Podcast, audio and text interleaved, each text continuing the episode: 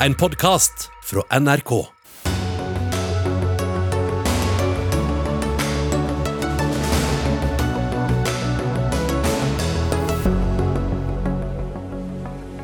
Taliban erobrer stadig nye områder i Afghanistan. Mens nordmenn blir bedt om å forlate landet, får afghanere som tidligere jobba for det norske forsvaret, fortsatt ikke opphold. De kristne verdiene i Norge trues fra høyresida, mener Rødt.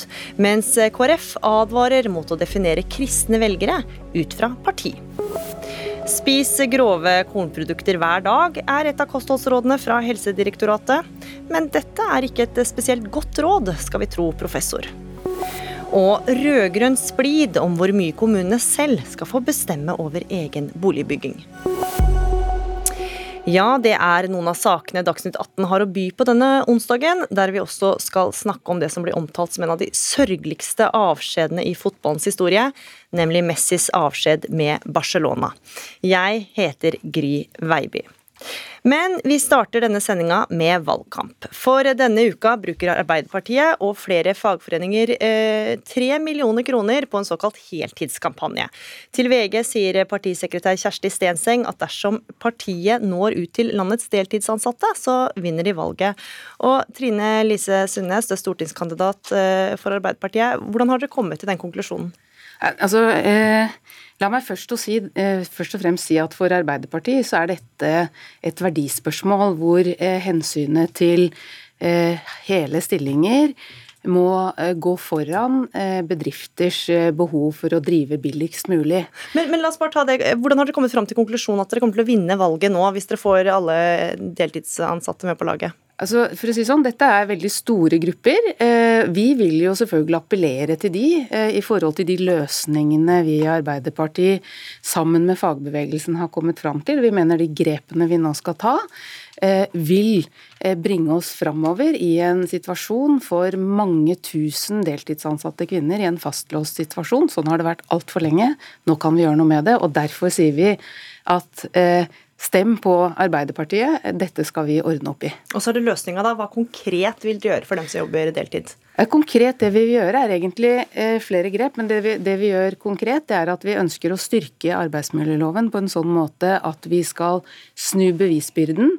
At det ikke skal være arbeidstakeren som må gå til arbeidsgiveren og sannsynliggjøre Eh, et heltidsbehov, men at det er arbeidsgiver som må dokumentere i tilfelle at det er behov for deltid. Det er det ene. Det andre er at vi følger opp med Eh, å gjeninnføre den kollektive søksmålsretten som Høyre og regjeringen har tatt bort. Det gjør at eh, den enkelte ikke blir stående alene, men at det er arbeidsfellesskapet som kan ta sakene på vegne av fellesskapet. Og det tredje eh, som vi ønsker å å få på plass, det er jo rett og slett å sørge for å styrke mulighetene for å nå gjennom med disse sakene. Og Alt dette her vil da føre til flere heltidsstillinger, mener dere. Og Heidi Nordby Lunde, det er stortingsrepresentant eh, for Høyre. Hva er din vurdering av Arbeiderpartiets valgkampmål nå, om at alle skal få mulighet til å jobbe heltid? Ja, altså Høyre har jo hele tiden sagt at for at vi skal ha en bærekraftig velferdsstat i fremtida, så må flere jobbe mer og flere stå lenger i arbeid. Så vi har jo hele tiden støttet ideen og mener at hele faste stillinger skal være hovedregelen i arbeidslivet. Og så ser vi da også under denne regjeringen at siden 2012 så har andelen deltidsjobbende kvinner gått ned fra 42% til 35% i fjor. Så det betyr jo at regjeringen også har tatt grep for å få ned antall, i hvert fall ufrivillig deltid. Og vi ser jo også at de endringene vi gjorde i 2015 i arbeidsmiljøloven har bidratt til at du får flere hele, faste stillinger, særlig innen omsorgsyrker. Ja, og det er det dere har gjort, men tenker du at forslaget her kan hjelpe til at flere blir for å jobbe heltid? Jeg kan ikke se at det at arbeidsgiver må dokumentere behov for deltidsarbeid, skaper flere heltidsstillinger eller gir flere eh, muligheter for å jobbe heltid. Jeg tror det er helt andre grep som må til, og i Høyre så har vi jo tatt til orde for at man, man har eh, en fleksibilitet som gjør at du kan ha jobbe nordsjøturnus, at du har medleverstillinger, men ikke minst de endringene vi gjorde i 2015 som Arbeiderpartiet stemte mot, og LO tok ut generalstreik mot. Da gjorde vi det enklere å åpne for 12,5 timers vakter, som særlig bidrar til at du får hele faste stillinger i turnusarbeid og avhjelper i helgene. Og Arbeiderpartiets nestleder Hadia Tajik tok med seg TV 2 til Arendal sykehjem for å bevise hvordan Arbeiderpartiet ved makten klarte å få det til. Og da sa jo de at det var den muligheten som hadde gjort at de kunne ansette flere i hele faste stillinger, ta ned deltidsbruken og vikarbruken. Ordninger som allerede er innført. Men da må jeg spørre deg, Trine Lise Sundnes, dette med å snu bevisbyrden, at det er arbeidsgiver som må bevise at eh, hvorfor, Hvordan skal det hjelpe? Jo, det eh, vil tvinge arbeidsgiver til å te måtte tenke mer langsiktig. Eh, I dag er det sånn at vi har svært mange eksempler på spekulasjon, hvor det er altså arbeidstakeren som må ta den risikoen, og hvor arbeidsgiver bruker den fleksibiliteten ensidig med å buffre opp og ned timer. Eh, og så har jeg lyst til å si i forhold til det Heidi tar opp, så er det sånn at vi vet ut ifra et helsemiljø- og sikkerhetsperspektiv at over tid så er lange arbeidsdager ikke sunt. Eh, og Derfor bør vi i, i størst mulig grad legge til rette for eh, en arbeidstid, turnus og skiftordninger som unngår disse lange vaktene. Eh, når det er sagt, så mener vi altså ved å ta dette grepet, så vil vi tvinge arbeidsgiver til å tenke mer langsiktig.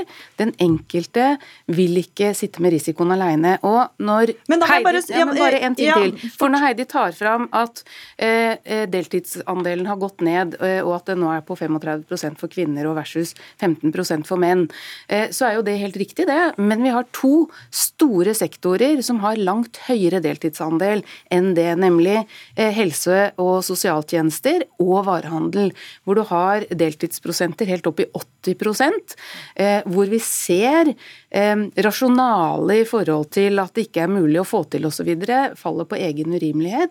Eh, I varehandelen så er det de kvinnedominerte bransjene dette er veldig typisk i. Så et tydelig kjønnsperspektiv her? Veldig tydelig kjønnsperspektiv. Eh, mens faghandel bufrer opp med 100 %-stillinger. Og så er dette bra samfunnspolitikk å få dette på plass.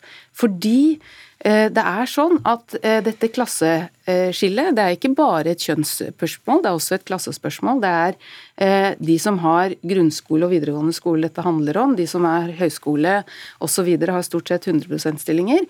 Men det er også sånn at dette forplanter seg ikke bare i arbeidslivet, men det får også store konsekvenser i forhold til pensjon i et, senere, eh, i et større perspektiv. Så, så, jeg mener at også høyresiden ville ha stor interesse av å følge Arbeiderpartiet i disse forslagene. Ja, det nikkes her. Ja, altså Som jeg begynte med, Høyre har sagt hele tiden at flere må jobbe mm. mer og stå lenger i arbeid. Og, og, men vi har andre løsninger enn dere, som er nå bevist fungert. Jeg mener at det at en arbeidsgiver skal måtte dokumentere behovet for, for deltidsstilling, ikke løse problemet, ei heller kollektiv søksmålsrett. Mm. Så her er vi rett og slett uenige. Vi gjorde endringer i 2015 som Arbeiderpartiet stemte mot, og som vi ser har gitt resultater.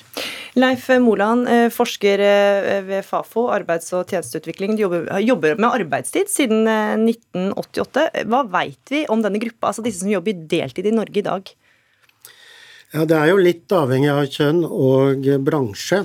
Men det store gruppen innenfor pleieomsorg, så er det kvinner som, hvor to tredjedeler er såkalt frivillig deltid. Og så kan man, også En tredjedel cirka, eller en fjerdedel er ufrivillig deltid. Så kan man jo spørre om hvor frivillig er den frivillige deltiden.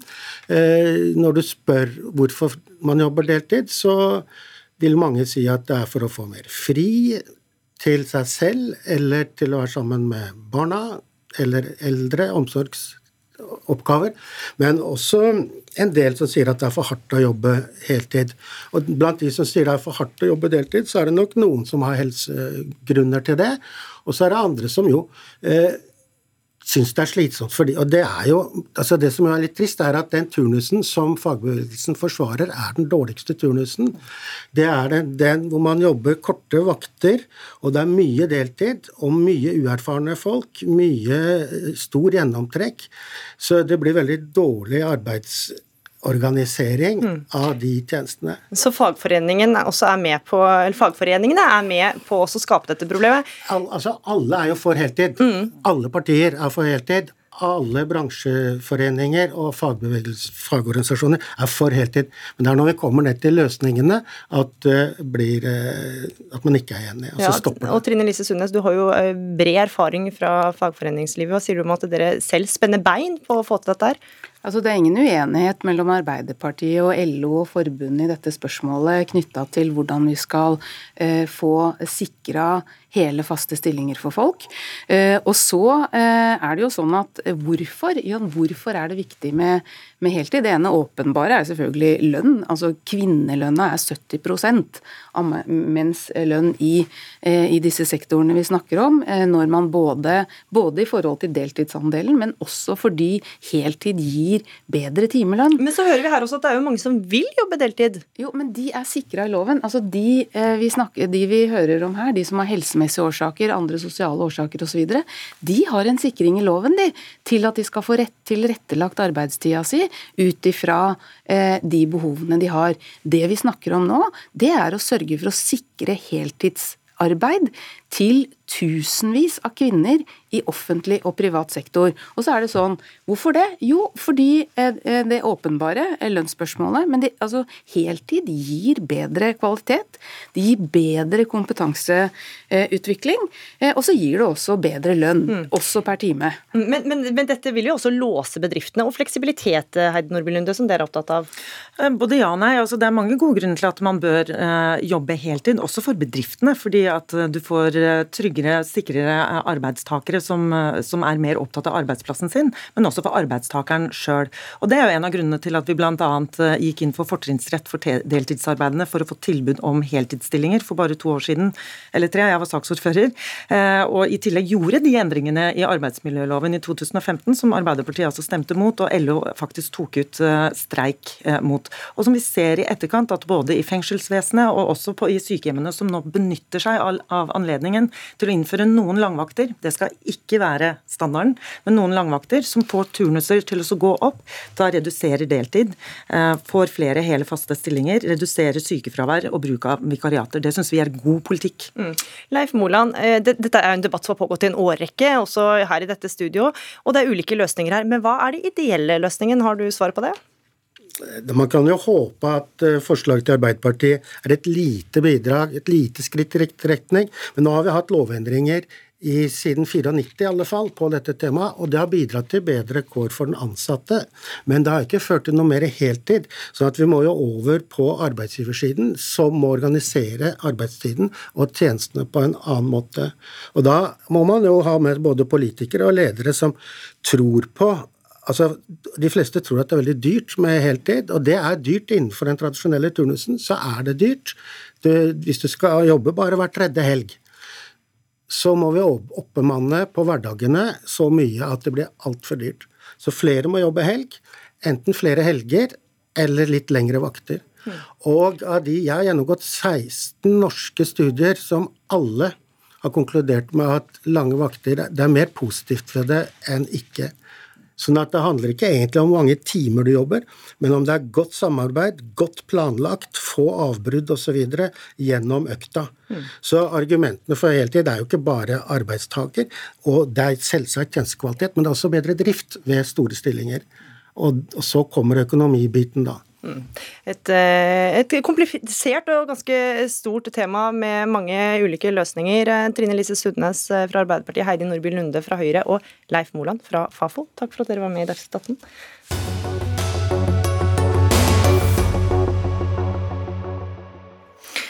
Da skal vi til Afghanistan, der situasjonen tilspisser seg for hver dag som går. På under én uke har Taliban inntatt og erobra ni provinshovedsteder i landet.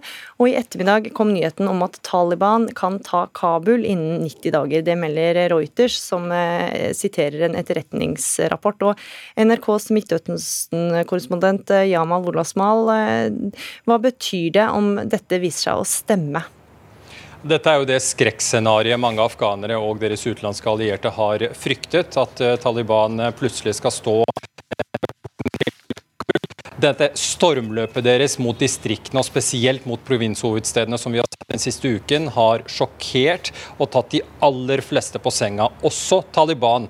De trodde ikke at de skulle kunne klare å ta over så store områder i Afghanistan på så kort tid. Men når det er sagt, så skal det godt gjøres for Taliban å ta Kabul. Kabul ligger naturlig på, en, på et fjellplatå nesten 2000 meter over havet. Det er ikke bare for Taliban å storme inn. I tillegg er hovedstaden godt beskyttet av tusenvis av topp trente spesialstyrker, som bl.a. norske styrker har vært med på å trene. Så det er lettere sagt enn gjort for Taliban å ta over hovedstaden. Og som du sier, så har jo Taliban tatt over eh, store deler av eh, landet. Hvordan i all verden har de klart å gjøre dette på så kort tid? Ja, Det er det alle klør seg i hodet over.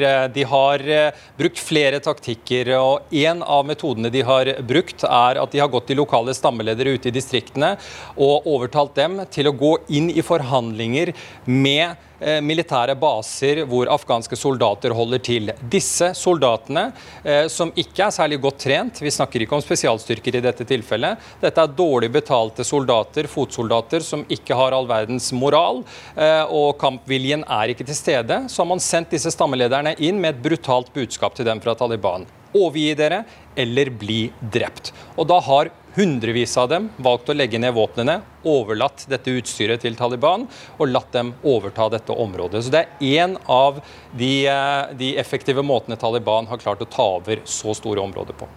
Jamal Wolasmal, eh, du skal være med oss videre, men vi skal få inn eh, politikerne her. For mens situasjonen i Afghanistan fortsetter å eskalere, så blir nordmenn altså oppfordra om å forlate landet. Og samtidig så får flere afghanere som tidligere jobba for Forsvaret i landet, ikke opphold i Norge.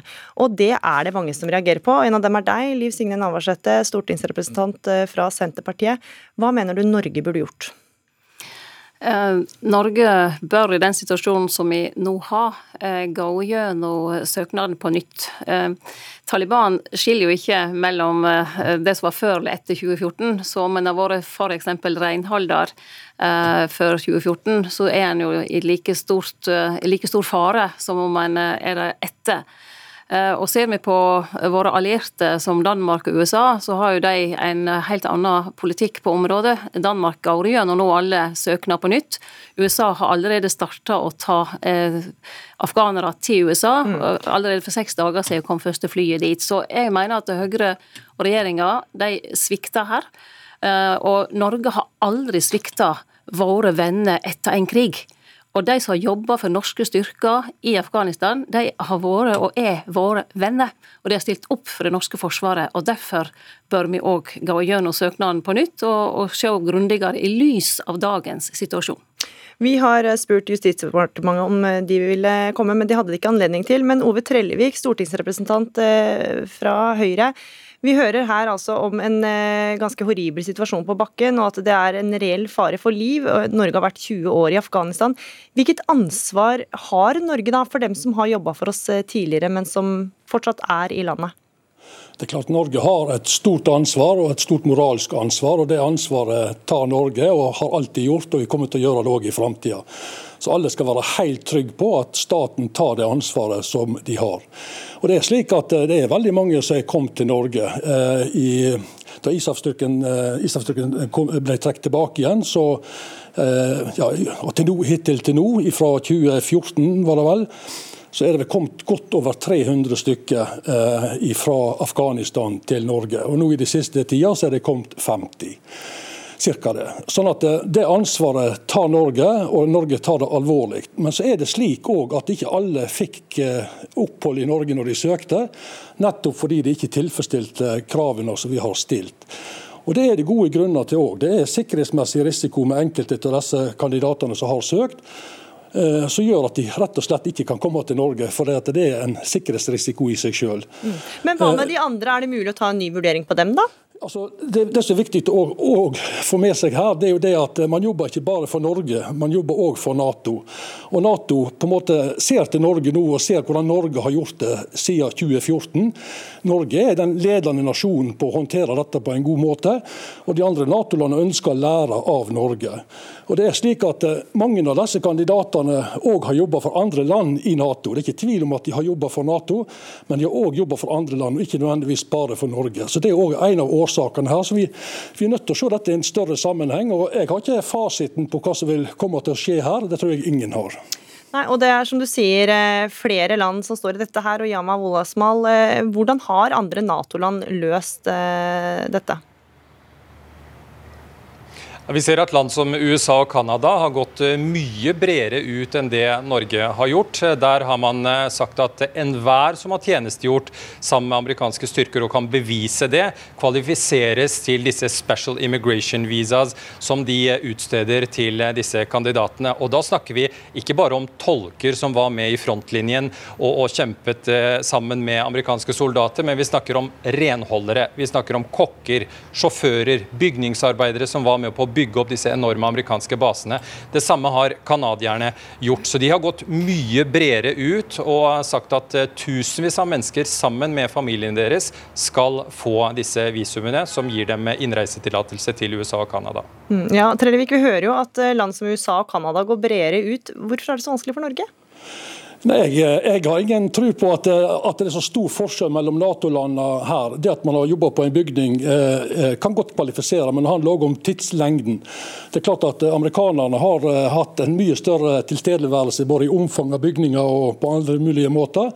Sånn at graden av tilknytning her eh, vil variere selvsagt fra land til land. Men prinsippene bygger nok på de samme prinsippene i, i alle Nato-land.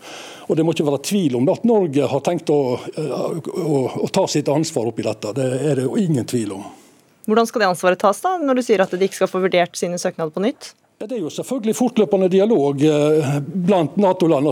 Si. Man driver jo fortsatt eh, der nede. Norge driver jo et sykehus og skal drive et sykehus ut året. Vi har ambassade med, med ansatte på, også lokalt ansatte som også skal være med hjem til Norge når, dersom det blir behov for det. Men Hvordan hjelper det for de da som har fått søknaden eh, avslått, eller som ikke søkte innen forrige periode når, de ville, når, det, var, når det var trygt i Afghanistan fortsatt, men som allikevel har jobba for Norge? Ja, det, er jo, det, det, er ulike grunner til at man har fått nei. Det ene var en mm. sikkerhetsrisiko, som jeg nevnte, og det andre var at tilknytningsgraden til Norge kanskje ikke var like stor som de har vært hos andre land, selv om man var, på en måte var bygningsarbeider. skulle jeg til å si. Så det handler om tilknytningen òg til Norge. Ja, og da, noen... da, må jeg spørre deg, Liv Signe Navarsete, for det er jo, eh, dette er jo mange som har jobba for flere nasjoner. og som vi hørte, så tar eh, USA og Canada går bredt ut, men de hadde en større tilstedeværelse der. For Hvorfor skal Norge ta da, til seg noen som kanskje kanskje ikke har hatt så sterk tilknytning til Norge, men kanskje andre land? Det er jo veldig spesielt å høre Trellevik sin argumentasjon. Uh, han sier det at andre land vil lære av Norge. Uh, jeg tror ikke USA og Canada har lært noe av Norge. Heller ikke Danmark, som nå tar opp igjen alle søknadene på nytt, fordi at situasjonen er helt en annen enn det han var. Og det er jo det som er det store uh, poenget her. Vi har ikke den samme situasjonen som vi hadde når, når de søknadene ble behandla. Og de som da jobba f.eks. som renholdere, fikk jo heller ikke lov å søke før etter 2014. Så, så er det, her, det er en stor urett som nå blir begått. Men, men, men, hvorfor skal Norge ta seg av den uretten, når de kanskje kan ha jobba for flere nasjoner som har vært der nede? Ja, dette blir omtrent som å si at vi bør ikke gjøre noe på klimafronten for at uh, andre land må, ta, uh, må, må kutte ut kålutvinning og sånn. Altså, Vi må ta vår del, og det er mange som har arbeid. Hvis du har arbeid som kokk for Norge, så tror du du har jobba for den norske eh, kontingenten, vil jeg tro. Hvis du har jobba med å gjøre rent, har du sannsynligvis òg gjort det. Så jeg syns dette er ansvarsfraskriving, det Trellevik holder på med. Han prøver liksom å, å, finne mange argument for å rett og slett pulverisere ansvaret. Norge må ta sin del av ansvaret. Og vi har aldri hatt tradisjon i Norge for å svikte de som har stått oss bi i en krigssituasjon, og det er det afghanere har gjort. Ergo bør de får mulighet til å søke på nytt, de, eller søke de som ikke har gjort det, for de trodde jo på en annen framtid enn den Men hvor går grensa for hvem som skal søke, da? Det må jo rett og slett eh, Det må nå regjeringa finne ut av. Det kan ikke jeg gjøre. Jeg kjenner jo ikke til eh, verken søkere eller situasjonen. Det er det regjeringa som gjør, og det er òg deres ansvar. Og det er de som må ta ansvaret. Men vi har alle et ansvar, fordi at uh, Norge er nå én nasjon. Og vi har en veldig stolt historie på å stå de bi som har stått oss bi i krigssituasjoner. Og jeg syns at uh, det regjeringa nå gjør, det er egentlig å fraskrive seg ansvar, peke på alle andre land. Altså, det er ingen grunn til at Danmark da skal gå gjennom alle søknader på nytt. De kunne også gjort det samme og sagt at nei, Norge og alle andre land har jo òg hatt kontingenter. Men de tar ansvaret sitt. Og det syns jeg er pinlig at den norske regjeringa ikke gjør. Mm, pinlig, Trellevik? Nei, Det, det syns jeg er en urimelig kritikk. Har, eh, det har kommet over 300 stykker til Norge, og Norge har eh, veldig god samvittighet. Vi har eh, gjort eh, en eksemplarisk jobb i dette arbeidet her. Og det er slik at òg andre land har sett til Norge hvordan de har håndtert dette siden 2014, når vi tok de første. Og Vi var jo egentlig kanskje veldig rause òg da, Navarsete, i starten når dette kom opp. Det var jo òg mennesker som takka nei til tilbudet om å komme til Norge. Sånn men, men, da var jo Afghanistan, men, men Trellevik, Trellevik, da var jo Afghanistan i en annen situasjon enn de er i dag? Selvfølgelig, men det var jo òg eh, på en måte tilknytningen til Norge eh, var god. sant? Og man, man på en måte tilfredsstilte kravene for, opp, få opphold. Men man valgte altså å takke nei til et tilbud å komme til Norge. Og I den situasjonen som er i landet nå, er selvfølgelig særdeles krevende for alle parter. Og Det å risikere norske soldater og sende folk ned igjen for å ta ut folk som eh, på en måte takka nei for seks-sju år siden, ja, den, den, står ikke jeg i akkurat her og nå. Men jeg, regjeringen følger selvfølgelig denne situasjonen veldig tett og vet nøyaktig hva, hva folk dette her handler om. Ja, igjen så vil jeg bare si at det er, det er rett og slett eh, en pinlig argumentasjon å høre på. Og jeg syns at uh, den norske regjeringa bør ta seg en eh, snakk med, med sine danske kollegaer og våre allierte over Atlanteren i Canada og USA og så bør en prøve å finne en slags felles standard for måten en gjør dette på.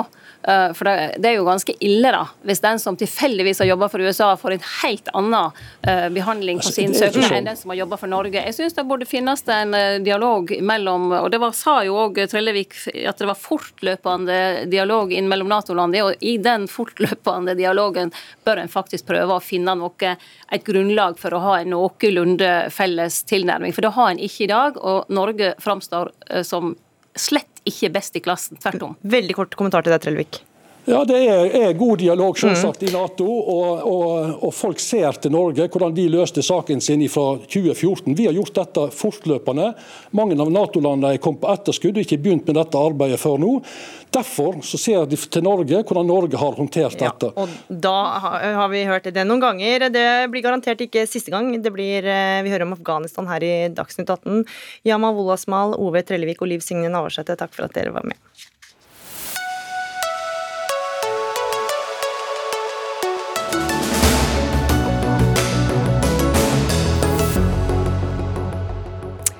Da skal det handle om fotball her i Dagsnytt 18. Eh, for det argentinske fotballikonet Lionel Messi har forlatt sitt kjære Barcelona til fordel for den franske storklubben PSG.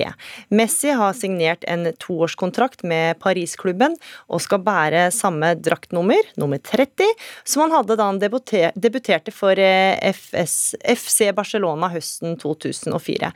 Og denne nyheten er en av de sørgeligste avskjedene i fotballens historie. Det skriver du Tore Haugstad, du er NRKs fotballkommentator. Hva er det som er så sørgelig med dette klubbskiftet til Messi?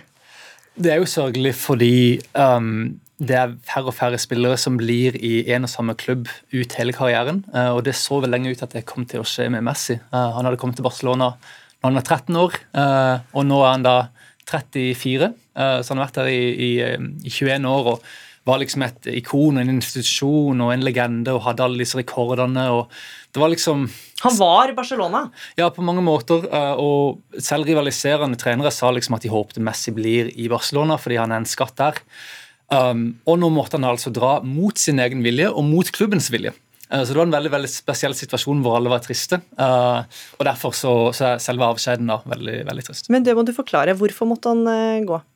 Ja, det er litt å forklare. Um, det forrige regimet i Barcelona med presidenten drev klubben på en, en, en, måte som jeg nesten aldri har sett før. Det var ekstremt høye lønninger, forferdelige kjøp, en elendig drift som har satt uh, klubben rundt 11 milliarder kroner i gjeld. Uh, og Det betydde da at for å uh, oppfylle La Liga, så den spanske toppdivisjonens finansielle regler, så var det nesten ikke mulig for Barcelona å signere Messi opp til en ny kontrakt.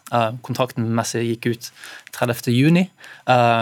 Og La Liga har da regler på at um, det er vel så, så, mye med at de kan ha så og så mange høye lønnsutgifter relativt til inntektene.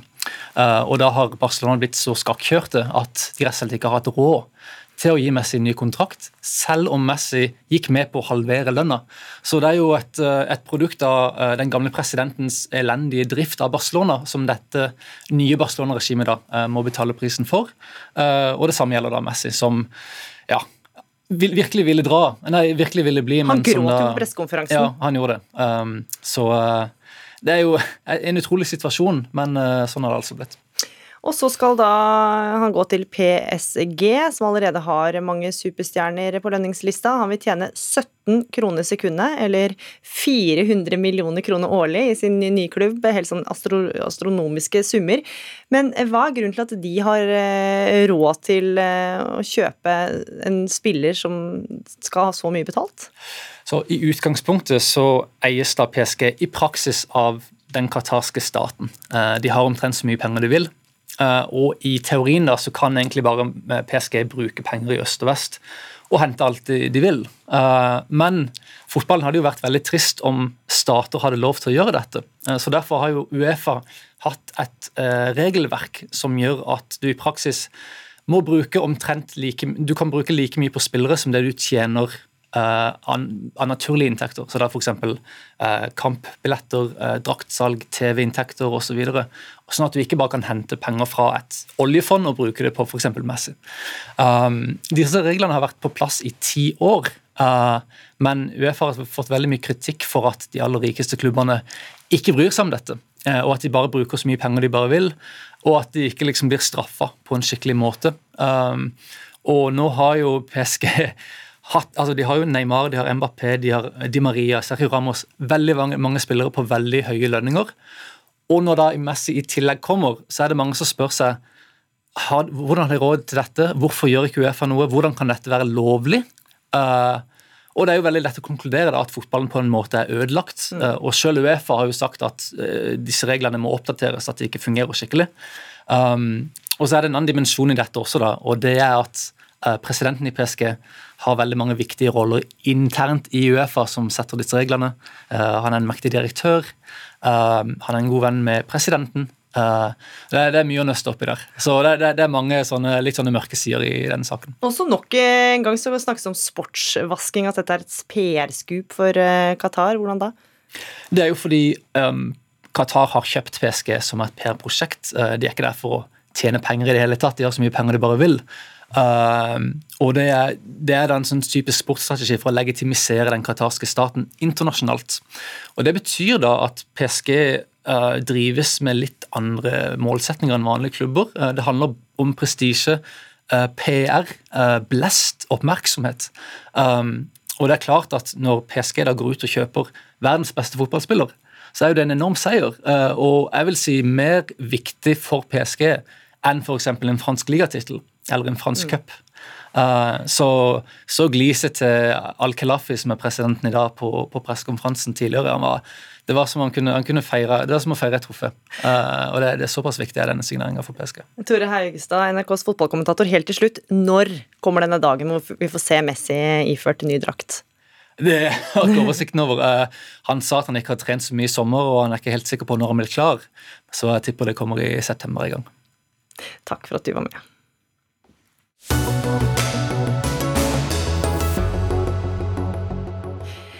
Du har sikkert hørt det før, du bør spise grove kornprodukter hver dag. Ja, sier lege, som går ut mot Helsedirektoratets kostholdsråd litt seinere i sendinga. Men nå skal det handle om kristne velgere. For eh, er du kristen og i tvil om eh, hvem du skal stemme på, da bør du følge med nå. For det er nå de kristne velgerne skal prøve å kapres. Og Mimmi Kristiansson, du er førstekandidat, stortingskandidat for Rødt, altså i Rogaland.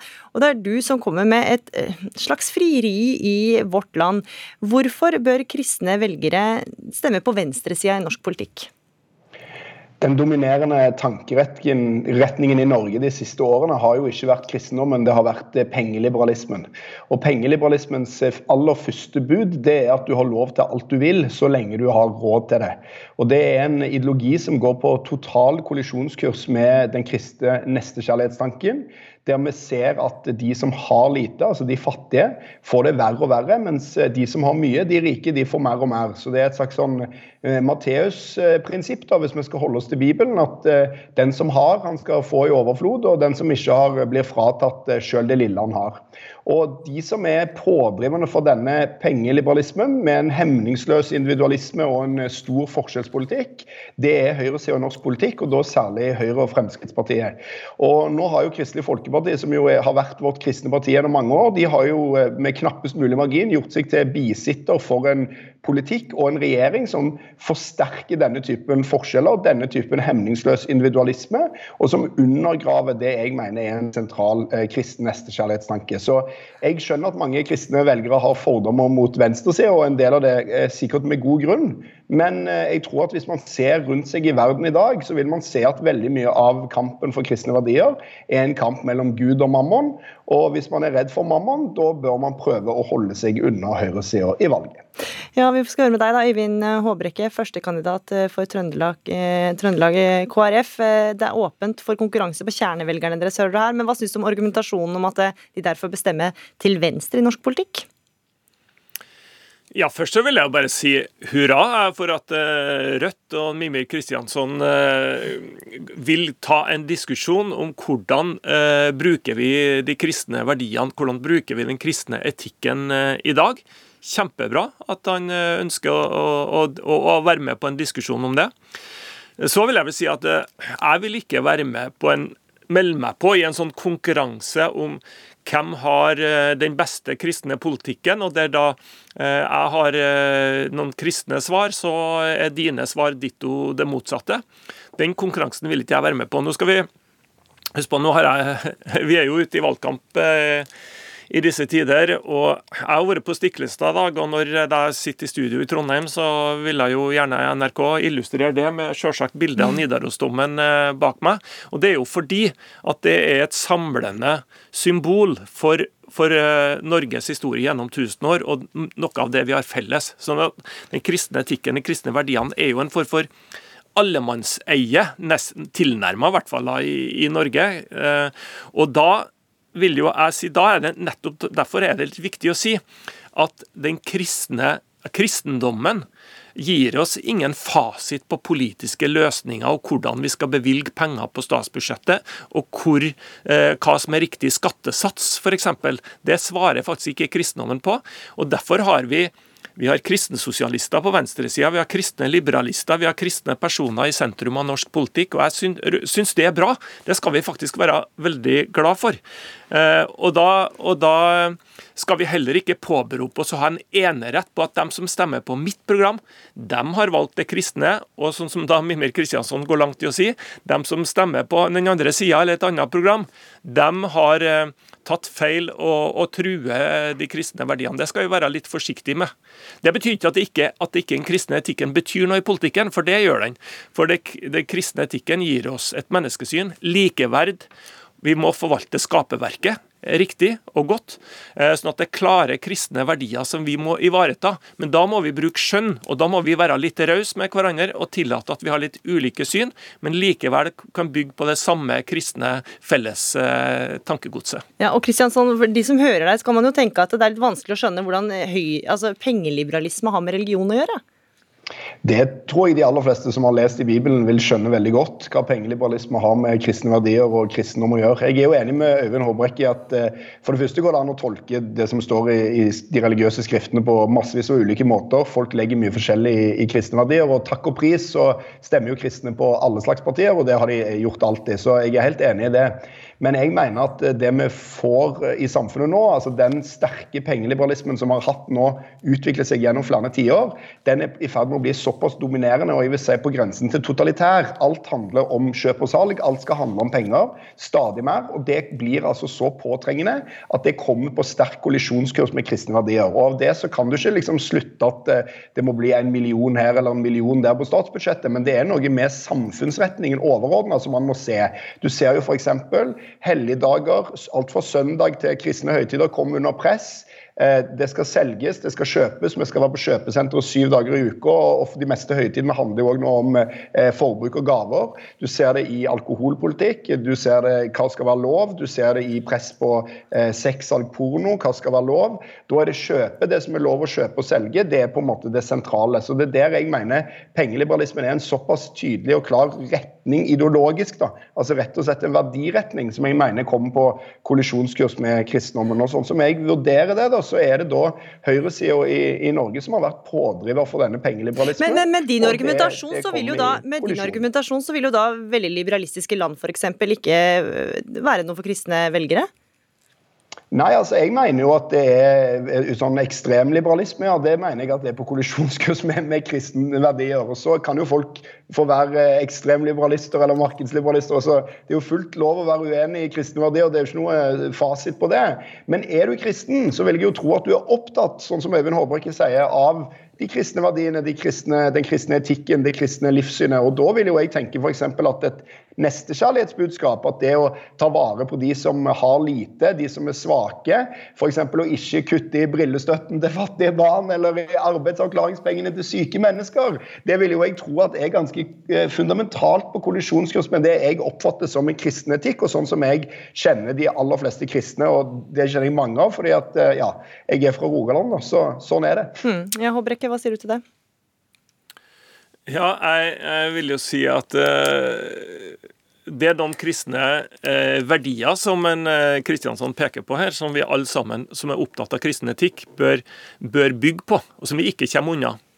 Det at mennesket er mer enn kroppen sin, vi er mer enn det materielle, at vi har sosiale og åndelige behov, likeverd, fellesskap og ikke minst ta vare på miljøet og skaperverket. Men Eh, men så må vi bruke litt skjønn for å finne ut hva er da de rette politiske løsningene. og Det oppfatter jeg at Kristiansson her innrømmer. Og da vil jo jeg, når jeg bruker mitt skjønn eh, jeg vil ikke skyte ned verken sosialister eller liberalister og si at de ikke er gode kristne, men når jeg bruker mitt gode skjønn, så finner jeg at veldig at noe av, det viktigste som jeg vil bygge min politikk på, er jo å bygge opp om familien, ta vare på likeverdet og bygge opp om fellesskap. Men så må jeg jo si, jeg må jo rette noen utfordringer til Kristiansson tilbake òg. For det er klart at når du snakker om at det, det, er det kommersielle, det er konkurransen og det markedet som tar over og truer eh, viktige verdier, så vil jeg jo si at eh, når vi da åpner for, åpner for eh, metoder innenfor bio- og genteknologien, som Rødt er med på, bl.a. der vi leter etter eh, egenskaper og sykdom hos eh, de aller minste for å luke ut, eh, ut sånne egenskaper på, på, fosterstadiet, så er vi jo på en måte også med å trigge det konkurransesamfunnet som, er, som du advarer mot. sånn at Jeg syns kanskje at du bør reflektere ut fra litt flere synsvinkler på hva som da blir de gode, gode kristne verdiene. Og, da, og da vi opp ja. også for en helt annen debatt som vi dessverre ikke rekker her i Dagsnytt 18 i dag. men og Jeg er usikker på om dere klarte å overbevise noen eh, kristne velgere Mimi Kristiansson, om de skulle stemme på venstresida, men takk for at dere var med, Kristiansson, og fra Rødt i Rogaland, og Øyvind Håbrekke, førstekandidat for eh, Trøndelag KrF.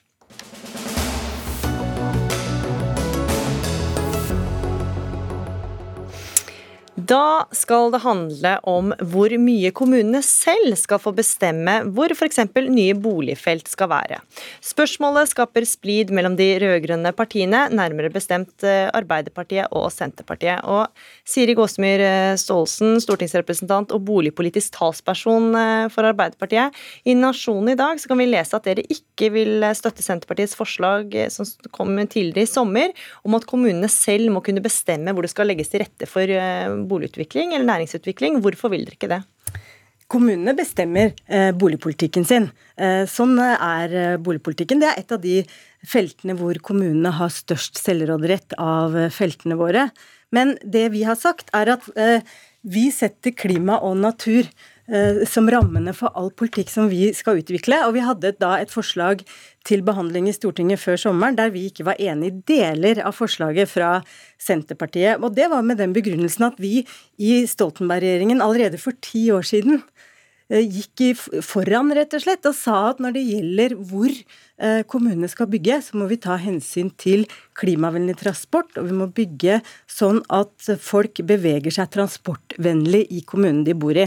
Og det er et prinsipp som vi mener ikke er mindre viktig i dag.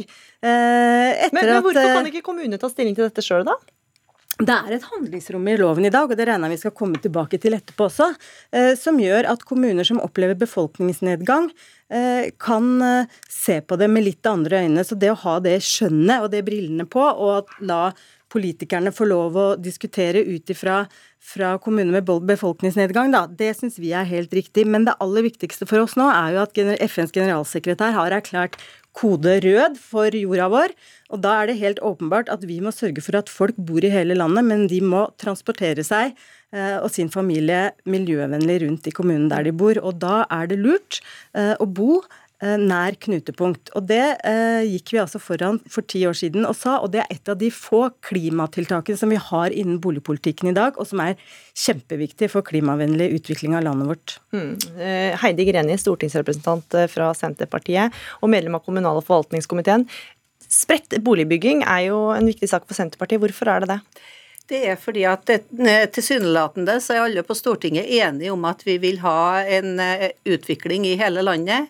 Vi vil ha ungdom til å flytte tilbake til distriktskommunene. Skal vi gjøre det, så må vi lytte på ungdommen og høre hva det er som skal til for at de skal flytte med.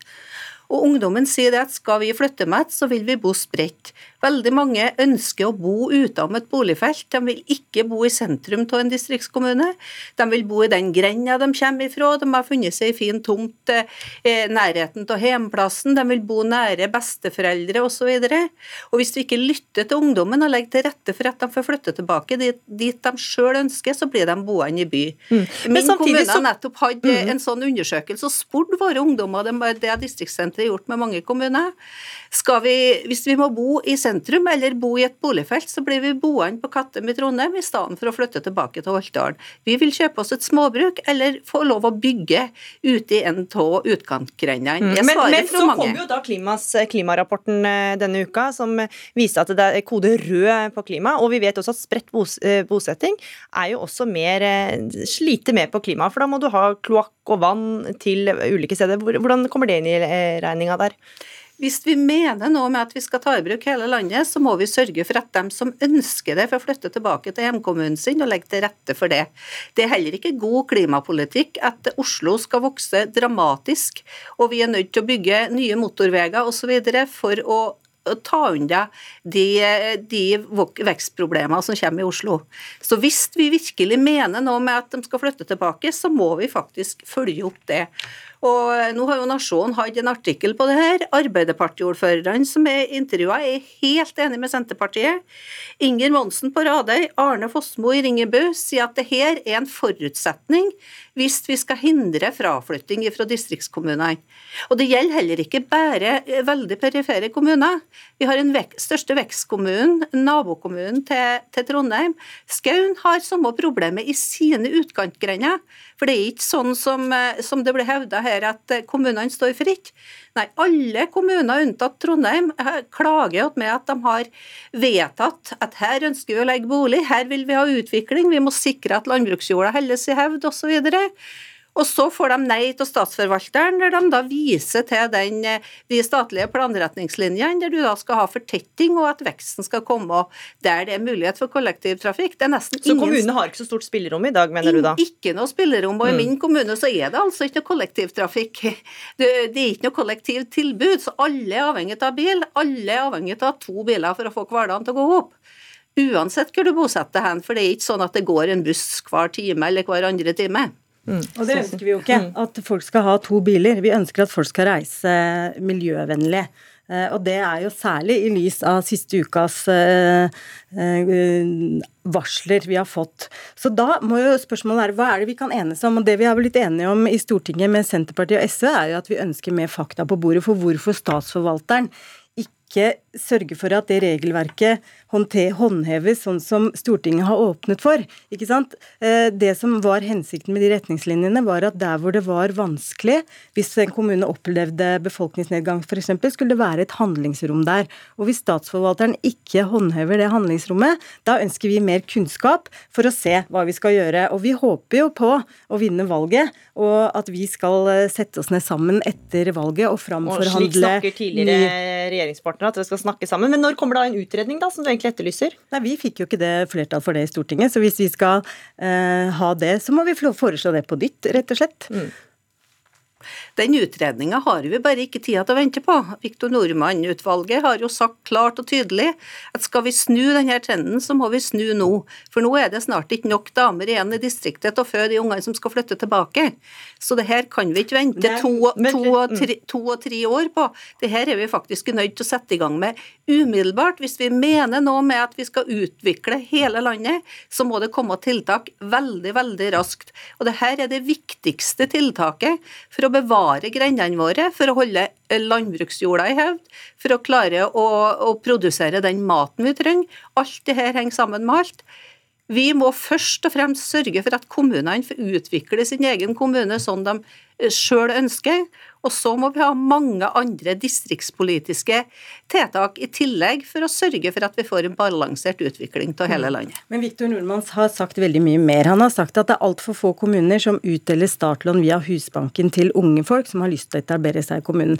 Det har vi sagt i Stortinget at vi ønsker å bruke Husbanken mer aktivt. Vi har økt utlånsramma til Husbanken sånn at kommuner kunne hatt mulighet til å gi startlån til flere. Vi har sagt at vi ønsker en, eh, en boligplan for eldre Eh, der vi kan se på hvordan eldre kan frigjøre store boliger i distriktene ved at man flytter i eldre og mer lett, eldreboliger som er mer lettvinte å bo i, eh, og som gjør at man frigjør eldre boliger eh, framfor at man bygger nye. Og Det gjør jo at folk kan bo litt andre steder da, enn akkurat der hvor man fortetter langs knutepunkt. Så det er mange andre politiske virkemidler vi kan bruke enn det ene som har en veldig brei klima, klimaside, som vi absolutt ikke ønsker å rokke ved i disse tider vi lever i nå. Mm. Veldig kort kommentar til det. Eh, eh, hvis en vet hvordan Distrikts-Norge fungerer, så er det ingen av de tiltakene som vi er helt enig i. Startlånordninga var det vi som fremma først. Eh, men det er ingen av dem som virker. Hvis du ikke lytter på ungdommen og, si, og hører på hva som er forutsetningen for at de vurderer å flytte tilbake, det hjelper ingenting hvis de ikke får lov å bo der de faktisk ønsker mm. å bo. Hvis du tvinger dem til å bo i et boligfelt i en distriktskommune, så blir de boende i byene, og sentraliseringa fortsetter. Og det er som sagt ingen som klarer seg med kollektivtransport i de her kommunene, for det er noe som ikke eksisterer. Det er kanskje litt vanskelig å forstå når en bor i Oslo, men sånn er det faktisk. Så det her kommer til å være noe av det viktigste vi skal gå i gang med hvis vi kommer i regjering. Det er å sørge for å få på plass bunnplanken i distriktspolitikken. Og så er vi veldig enige om 10-1500 andre tiltak som også må på plass for at vi skal få en balansert utvikling mm. landet vårt. Mm. Dette var alt vi rakk i denne omgang. Dere får snakke mer om det hvis dere kommer sammen i regjering. Heidi Greni, stortingsrepresentant fra Senterpartiet, og Siri Gåsemyr Staalesen, stortingsrepresentant fra Arbeiderpartiet. Takk for at dere var med i Dagsnytt 18.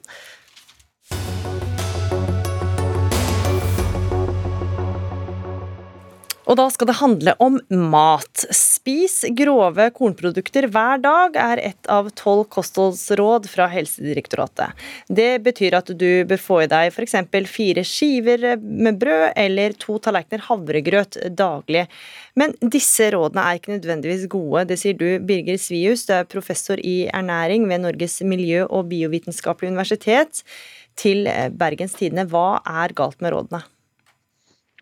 Ja, altså, for det første er det viktig å understreke at uh, hvis man først skal spise korn, så er det bra å spise fullkorn. Og Det er fordi fullkorn er rikere på vitaminer og mineraler enn uh, sikta hvetemessprodukter som loff osv.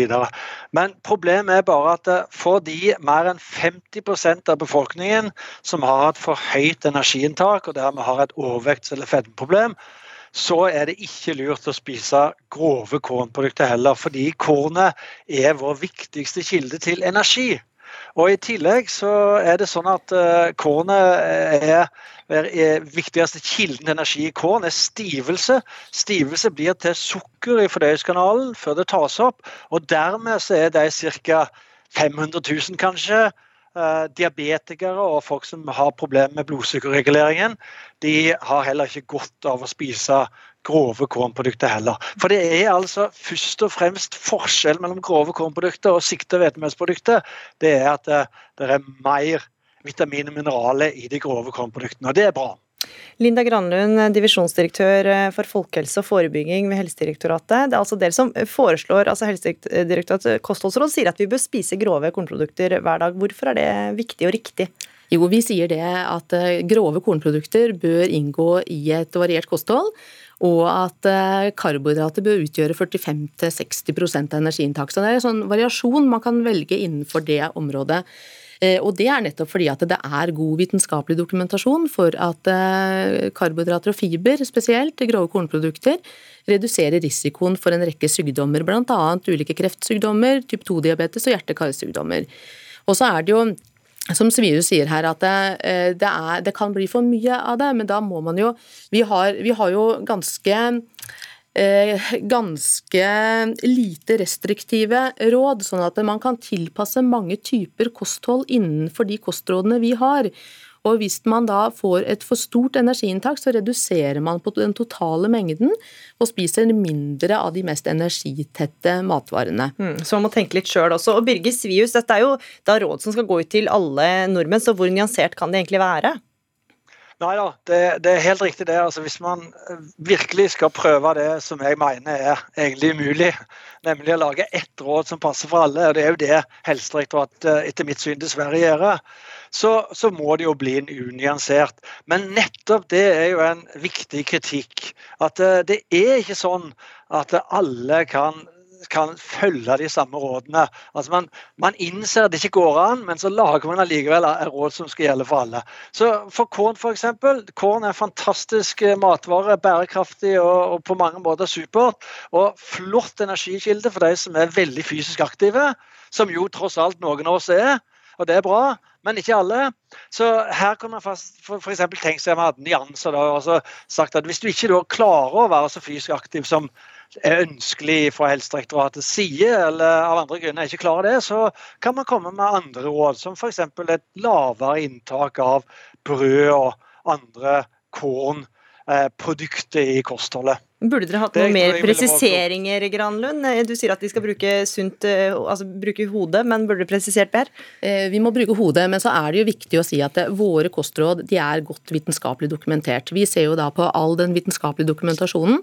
Og så er det viktig å si at det, det er ikke Norge alene som har disse kostrådene. De er helt i tråd med kostrådene i de andre nordiske landene og de aller fleste landene i verden. Og i tråd med Verdens helseorganisasjon sine råd. Så dette, det er bred enighet om at dette er kostråd som er gunstige for folk. Også er det viktig, altså Birgit Svius kommer med mange forslag til alternative kosthold, men det er jo viktig å si at vi bør, også, vi bør ha et kosthold som er sunt, men også bærekraftig. Vi skal også gi mat til en hel befolkning på en bærekraftig måte, og da er grove kornprodukter, poteter og, og grønnsaker en måte å gi energi på. ikke sant? Sånn at det er flere grunner til at kostrådene er som de er, og det er godt dokumentert. Mm. Ja, altså, Helt klart at det, det, er viktig å prøve å få til et så bærekraftig kosthold som mulig. Det tror jeg vi alle er helt enige om. Det er ytterst viktig. Men det kan ikke bli sånn, og det frykter jeg dessverre at det blir, at eh, hensyn til omgivelsene og, og, og kloden eh, altså blir eh, overskygg hensyn til vår egen helse og vår egen sunnhet. For det må tross alt komme først. Og her, eh, selv om korn eh, er da et veldig Eh, eh, bærekraftig matvare, ikke minst på energibasis, så er det altså problemet her at eh, det er vår viktigste kilde til energi, og det legger seg som fett på kroppen og gir problemer for de som har diabetes type 2 f.eks.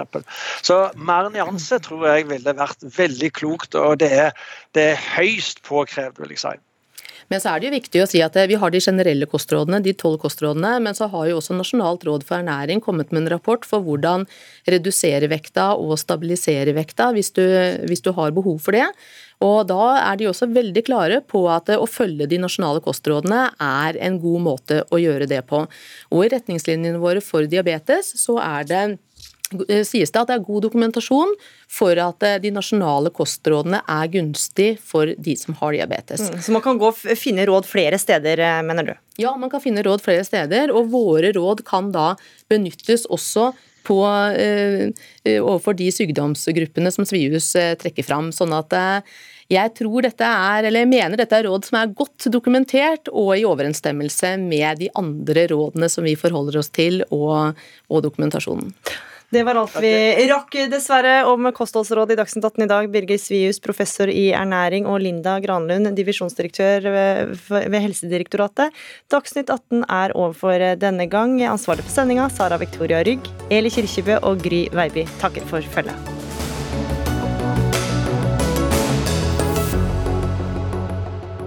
Du har hørt en podkast fra NRK. Hør flere podkaster og din favorittkanal i appen NRK Radio.